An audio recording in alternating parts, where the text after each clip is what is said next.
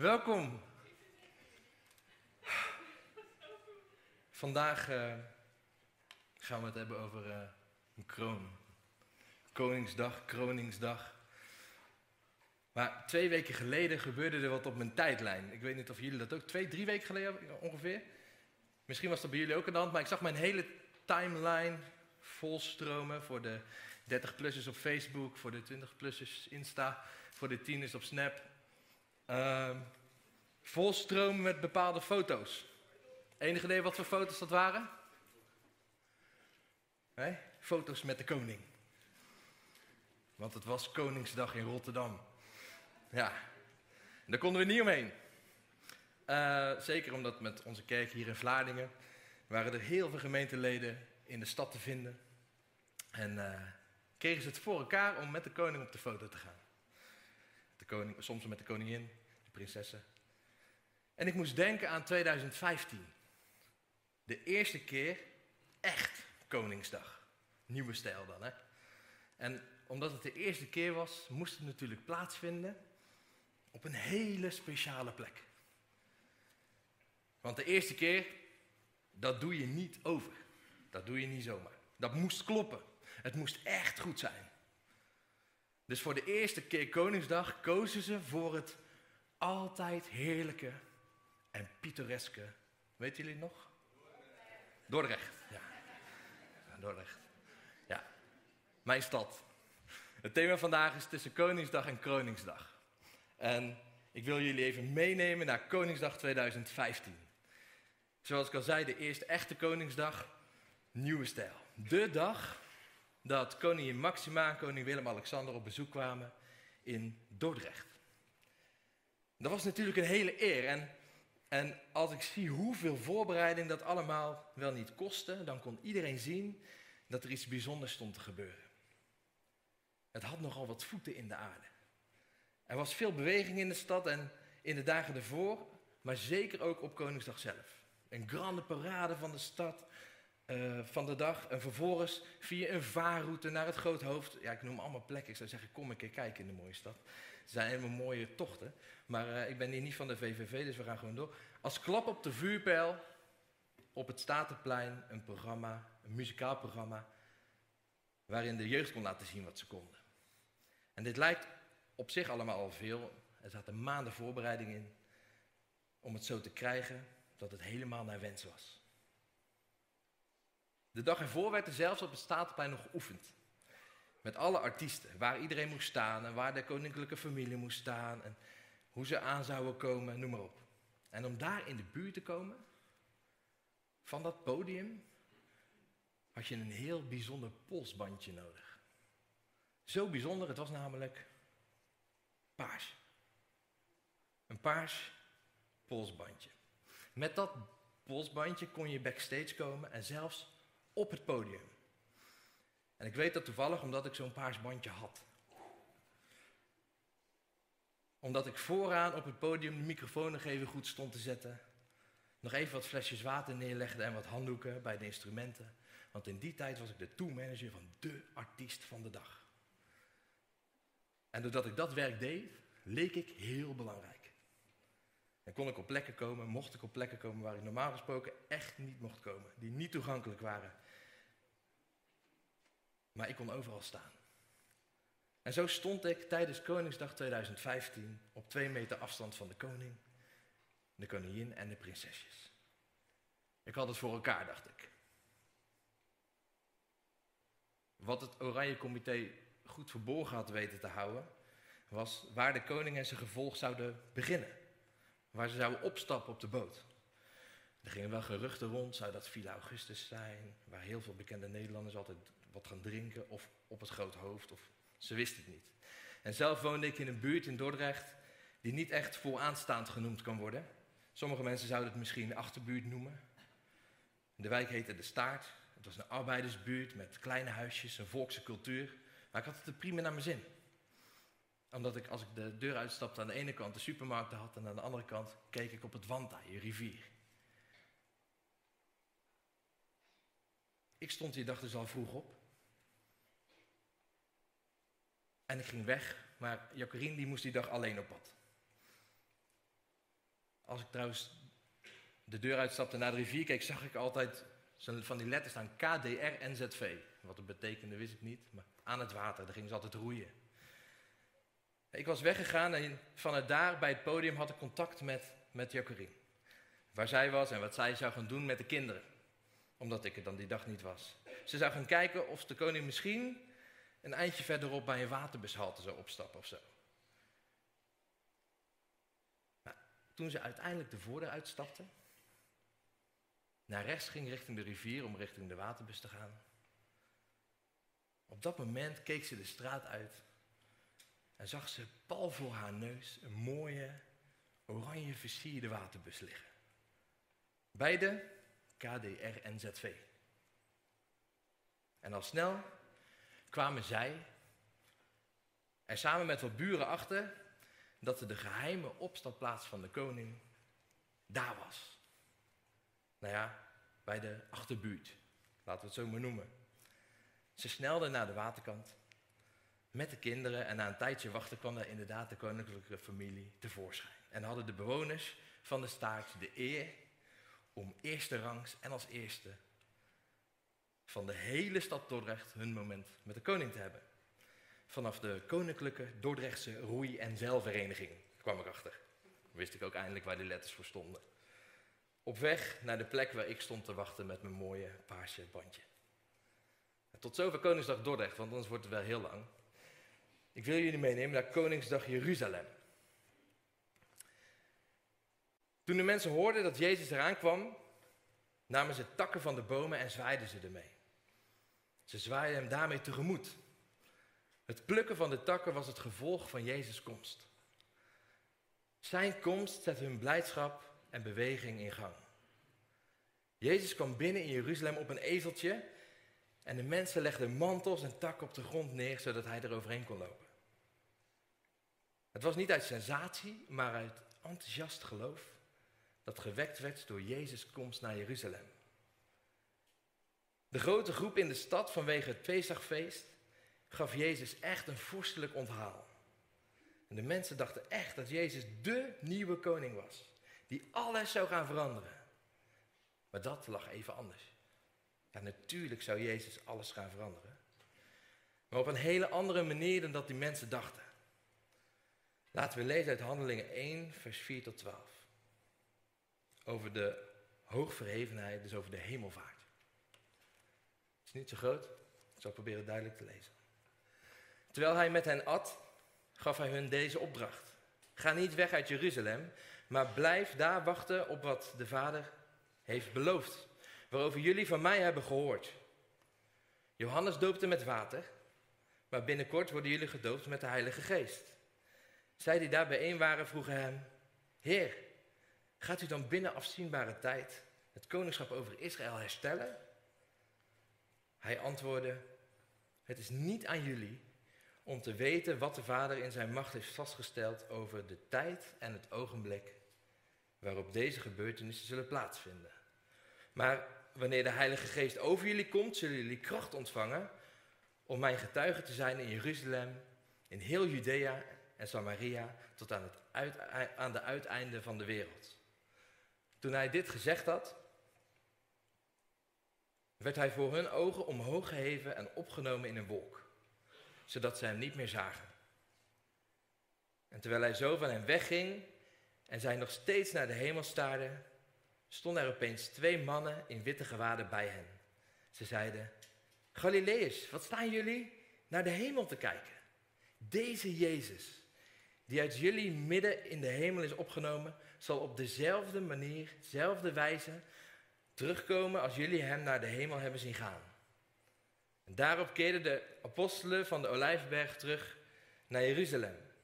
Deze berg ligt vlakbij de stad, op een sabbatsreis afstand. Dit stuk gaat over de hemelvaart. De hemelvaart is eigenlijk een raar woord, vind ik altijd. Als je op onderzoek gaat naar wat wij als Nazareners geloven, dan staat er ook in geloofsartikel 2 van ons handboek. Wij geloven dat Jezus Christus voor onze zonde stierf, dat hij waarlijk uit de doden opstond en zijn lichaam opnieuw aannam met alles wat behoort tot de volmaking van de menselijke natuur, waarmee hij ten hemel voer en daar optreedt als middelaar voor ons. Ook hier gaat het over ten hemel varen. Vroeger als kind begreep ik hier al niet zo heel veel van. En dacht ik meer aan een, een wolk die opsteeg, waar je net zo lang naar kon kijken totdat hij uit het zicht verdwenen was.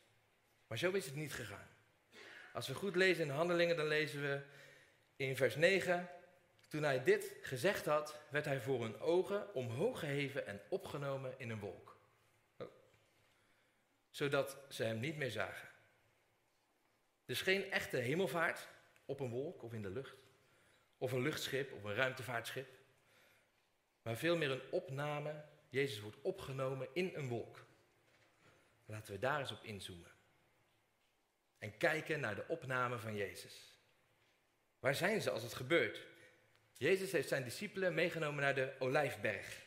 En de Olijfberg die lag ten oosten, ten oosten van de stad Jeruzalem. En dan staat er op een sabbatsreis van de stad verwijderd. De Joden mochten op de Sabbat niet meer dan 2000 L lopen, dus zo'n 800, 880 meter. En de Joodse wet was, blijf tijdens de Sabbat in de plaats waar je bent. Maar de Olijfberg viel daar dus nog binnen. En Jezus was vaak op de Olijfberg te vinden. Hij ging daar vooral naartoe om te bidden en rust te zoeken. En als hij daar zo met zijn discipelen is, dan stellen ze hem de, de vraag of de Heere God het koninkrijk voor Israël gaat herstellen. Ze denken hetzelfde als enige tijd ervoor die mensen die Jezus binnenhaalden dachten. Tijdens de intocht in Jeruzalem. Op de Koningsdag van Jezus. Ze voelen aan dat er iets bijzonders te gebeuren staat. Is dit dan het moment waarop Jezus officieel in Jeruzalem koning wordt? Zullen ze getuigen zijn van de inhuldiging als koning van Israël? Nee, dat gebeurt niet. Het moment waarop dat gaat gebeuren, heeft de Vader vastgesteld. Zij mogen dat niet weten. Jezus ontkent niet dat het gaat gebeuren, maar wel het moment en de manier waarop.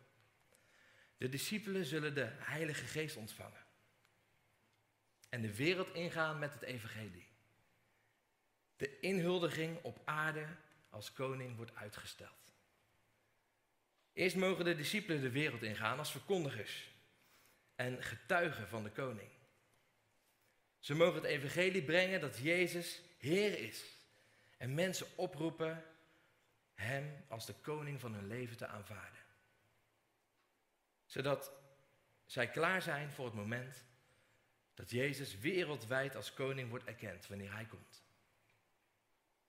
En als Jezus hen deze taak gegeven heeft, wordt hij van hem weggenomen. Er komt een wolk en die onttrekt hem aan het zicht. Niet zomaar een wolk, het was de Shechina van God. En dan hoor ik je misschien al denken, Shechina, wat zegt hij nou weer? Ik zal proberen dat uit te leggen. Maar dan moet ik eerst beginnen met een ander woord. Hier staat kabot, maar je zegt kavoot. Heerlijkheid. Heerlijkheid is echt een Bijbels woord. Als je op zoek zou gaan in de Bijbel, dan kom je ook woorden tegen als glorie, luister, majesteit. En je zou ook kunnen denken aan de verhevenheid van God. Daarover gaat het allemaal bij de heerlijkheid van God. Dan moet je weten dat dat woordje letterlijk zwaar zijn betekent. Het gaat om iets dat gewicht heeft, dat naar beneden drukt. Als je zwaar bent, dan zou je dus ook kunnen zeggen: Jij bent heerlijk. Ik ben nu zo'n 19 jaar getrouwd met Jacqueline, mijn vrouw. En ze zegt: Jorg, je bent een heerlijke vent. In elk geval veel heerlijker nog dan 19 jaar geleden. Hij is gestolen, maar ik vond hem wel aardig. De grondbetekenis van kavoot is dus iets wat heel zwaar is. Dat drukt naar beneden. Iets wat belangrijk is, iets wat gewichtig is. Het maakt indruk. De heerlijkheid van God, daar loop je niet zomaar langs heen. Als je de heerlijkheid van God ziet, dan dan raak je daarvan onder de indruk. Kavoot is dus de indrukwekkendheid van God. Heel nauw verbonden met die kavot is dat andere woord. De Shechina. Shechina komt van het Hebreeuwse woord shagan. Dat wonen betekent. En Shechina is dan dat, dat God aanwezig is. Dat God woont bij de mensen. Want God is een God die wil wonen bij de mensen. In al zijn heerlijkheid. God wil niet zomaar even bij je langskomen, bijvoorbeeld op zondagochtend tussen half elf en twaalf. God wil wonen bij de mensen.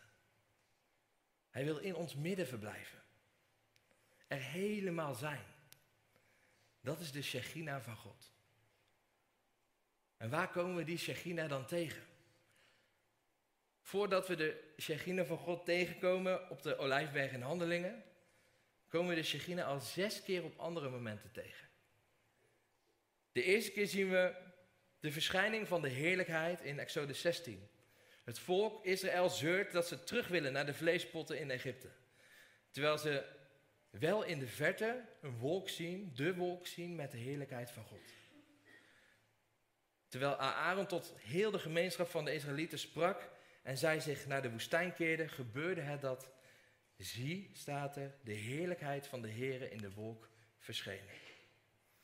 En de tweede keer zien we dat in Exodus 24. Tijdens de verbondsluiting op de berg Sinaï. Mozes gaat die Shechina-wolk zelfs in en blijft 40 dagen en nachten bij de Heer.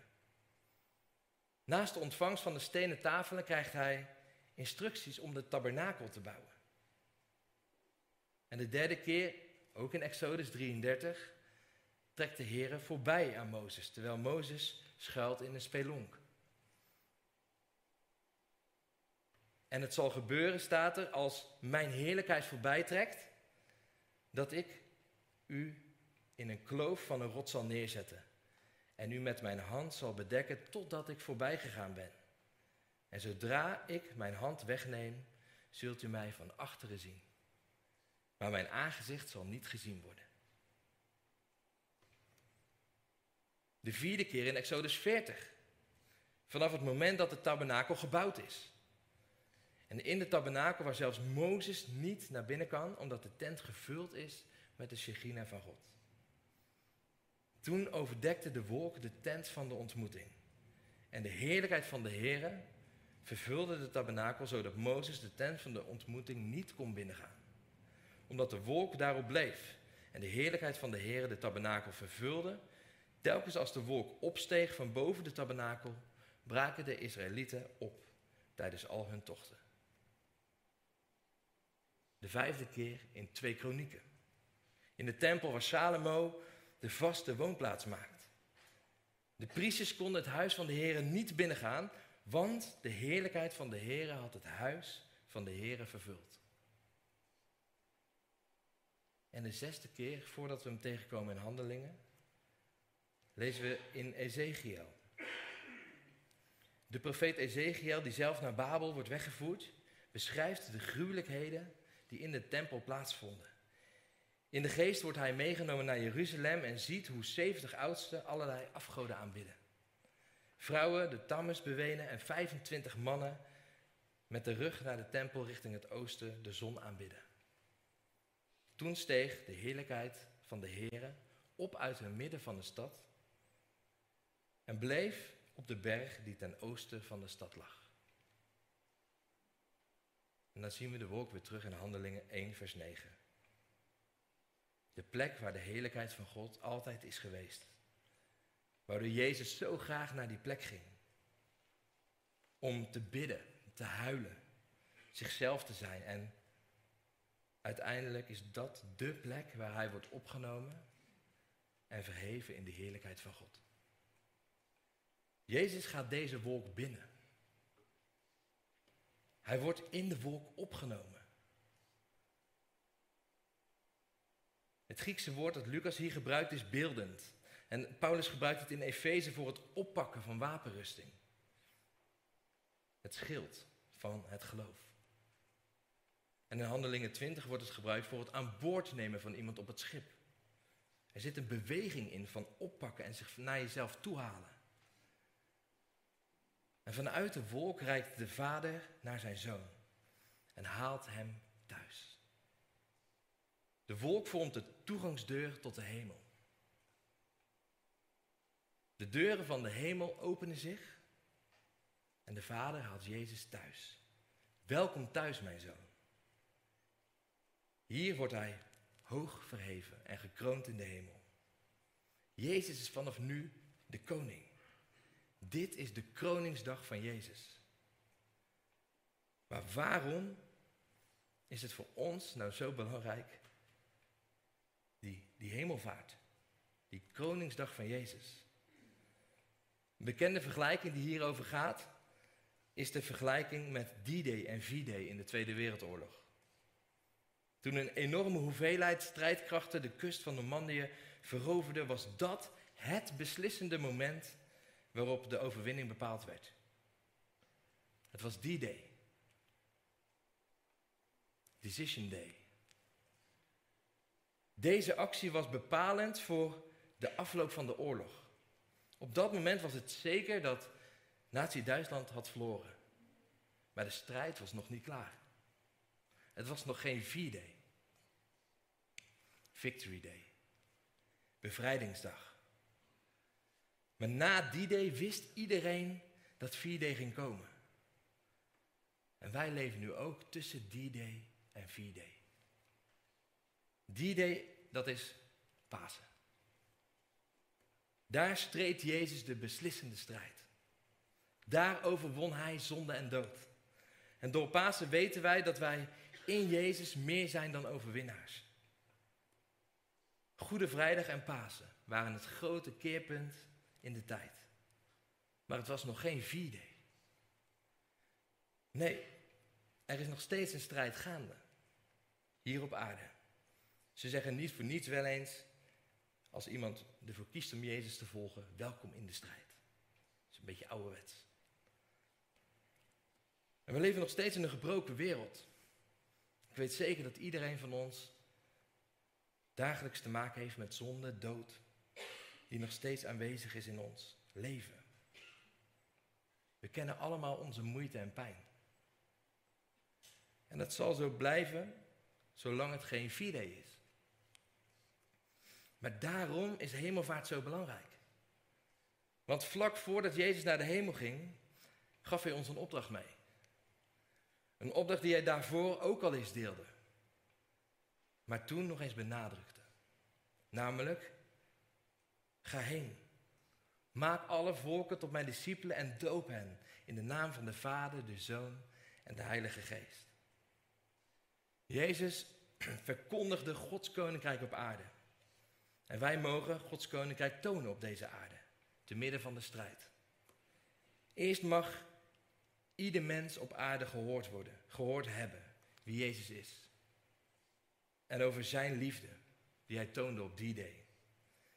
Eerst mag Gods koninkrijk door ons zichtbaar worden op aarde. Maar daarvoor moest Jezus naar de hemel. Want als persoon kon Jezus maar op één plaats tegelijk zijn. Maar door zijn hemelvaart kon hij de Heilige Geest sturen. Zodat hij overal en bij iedereen kan zijn. En ons kan helpen en troosten tijdens onze opdracht hier op aarde. Maar de hemelvaart was meer. Het was vier in de hemel. Satan heeft op aarde nog wat ruimte om rond te gaan, maar in de hemel niet. En toen Jezus die dag binnenkwam in de hemel, was het groot feest. Want Jezus werd gekroond tot koning en dan plaats aan de rechterhand van God op de troon. En dat is zo gaaf. Want dat betekent dat wij volgelingen zijn van een koning. Jezus is niet alleen onze redder, onze vriend. Jezus is ook onze koning. Onze overwinnaar. En niet alleen koning van ons, maar van de hemel en van de aarde. Hij zit daar op de troon, onze Jezus. Dat is geweldig. En heel eerlijk gezegd snap ik ook niet zo goed dat wij als kerk van de Nazarenen helemaal niets doen op Hemelvaartsdag. Als je erover nadenkt, dat, is dat best raar. We vieren kerst, Pasen, Pinksteren. Terecht dat we dat doen. Maar de kroningsdag van Jezus. Waar hij de troon besteeg. De kroon ontving. Om het geweldige werk dat hij deed voor ons. Laten we zomaar aan ons voorbij gaan. Ja, we vieren een vrije dag. Maar daar blijft het volgens mij wel bij. Misschien iets om over na te denken als kerk. Een veel belangrijkere vraag is: is Jezus koning in jouw hart? Mag Jezus de koning zijn in jouw hart? Heeft Koningsdag al plaatsgevonden in jouw leven, in jouw hart? Waar sta jij als koning Jezus komt? Sta je vooraan met een paars bandje om je pols? Naar wie ga jij toe als het leven moeilijk wordt? Of als je vlucht in verslavingen? Of ben je een control freak die krampachtig probeert om het leven zelf onder controle te houden? Leef je uit eigen kracht of ben je gaan geloven dat je een loser bent en ben je daarna gaan gedragen? Of je nou vooraan staat op het podium met een paars bandje om je pols of ergens in een achterbuurt via een tv-scherm kijkt naar de koning, het maakt niet uit. Het is niet dat het paarse bandje een toegangsbandje is voor de hemel. Misschien ben je wel helemaal niet bezig met de koning. Vandaag komt Jezus bij jou langs gevaren. En als je niet aan het water woont, dan wandelt hij vandaag je straat in. En dan klopt hij op de deur van je hart. Jezus wil jouw koning zijn. Hij wil dat jij deelt in zijn overwinning. In zijn koningschap. En het enige wat jij hoeft te doen, is je leven uit handen geven en Jezus de troon van je hart geven. Want de strijd is nog niet voorbij. Maar die strijd, die hoef je niet alleen te strijden. Koning Jezus wil in jouw hart heersen. Door zijn Heilige Geest. Hij zegt: stop met vluchten. Stop met slachtoffer zijn. Stop met vechten in eigen kracht. Stop met zelf de controle willen houden over je leven. Ik ben jouw overwinnaar. Ik ben jouw koning. En je mag met Jezus de strijd aangaan en zeker weten, mijn strijd is al gewonnen. Jacqueline en ik hebben een tijd geleden een alfa-cursus geleid en daar leerden we een vrouw kennen van rond de 60. Een hele warme, gevoelige vrouw. Ze had een van de meest vreselijke dingen meegemaakt die een mens volgens mij kan meemaken. Ze heeft een paar jaar geleden haar dochter verloren aan zelfmoord. En ze was nog maar 23 jaar. Deze vrouw zei: Ik kan niet omgaan met de dood. Ik kan er niets mee. Het is alleen maar donker en loodzwaar. En ze zei: Jullie christenen, jullie kunnen dat wel. Jullie zijn niet zo verdrietig als ik dat ben. Maar dat is niet waar. Ik weet zeker dat, dat christenen ook verteerd worden door verdriet en gemist als, ze te maken, gemist als ze te maken krijgen met de dood. Want wij zijn niet gemaakt om te sterven en mensen te verliezen aan de dood. Wij zijn gemaakt om eeuwig te leven. En toch denk ik dat ze wel gelijk had, ergens. Dat er inderdaad wel een verschil is. Want als kinderen van God, als volgelingen van Jezus, is er één ding dat anders is. En dat is dat we hoop hebben. We hebben niet minder verdriet, maar we hebben wel hoop.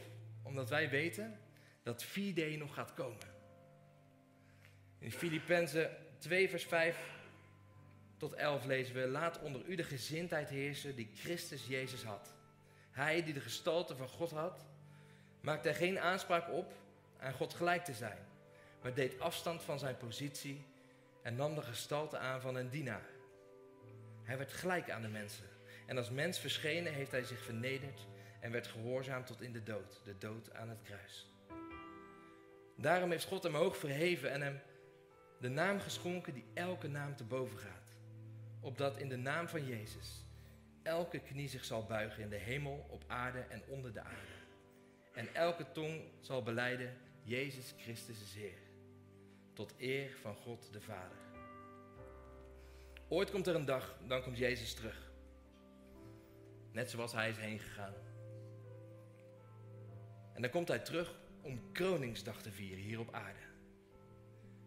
Dan komt hij terug met de Shechina van God. en zal de aarde vervuld worden met Gods glorie en heerlijkheid. Hoe hopeloos en uitzichtloos je omstandigheden ook kunnen zijn hier op aarde, we mogen weten dat het niet om het leven hier op aarde gaat. We zijn onderweg. Een weg waarin soms strijd zit. We zijn onderweg naar het eeuwige leven waarvoor we gemaakt zijn. Onderweg naar de glorie en de heerlijkheid van God. En tot die dag mogen wij in die wetenschap ons dagelijks leven oppakken. En de strijd strijden die nodig is. Maar niet als slachtoffers, maar als overwinnaars. God wil ons elke dag zegenen met zijn Heilige Geest. Als we ons leven laten regeren door Koning Jezus. Eeuwig leven in Gods Shechina. In Gods glorie en heerlijkheid. We gaan zo een lied zingen, Majesteit. Een heel oud lied. En vanaf het moment dat de muziek speelt, is het altaar al geopend. Want daarna is het open altaar. Dus je kan tijdens het lied naar voren komen. En ik wil je vragen om vandaag, nu zo bij het open altaar voor het eerst of opnieuw, Jezus uit te nodigen om koning te zijn in jouw leven. Om Hem de troon te geven van jouw hart. Laat het vandaag kroningsdag zijn in jouw hart. En zet Jezus op de troon. Je mag gaan leven als overwinnaar in Jezus, onze koning. Amen.